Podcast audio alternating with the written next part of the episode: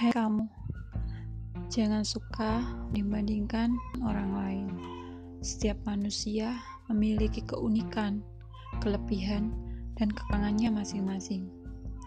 Ada empat cara yang dapat dilakukan dalam mencintai diri sendiri. Yang pertama, reward, session, dan self-care. Kita dapat mengenai hal-hal yang pernah kita lakukan.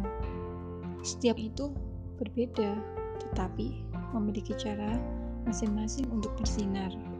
Jadi, jangan kau tidak bisa seperti lain. Jadi, thank you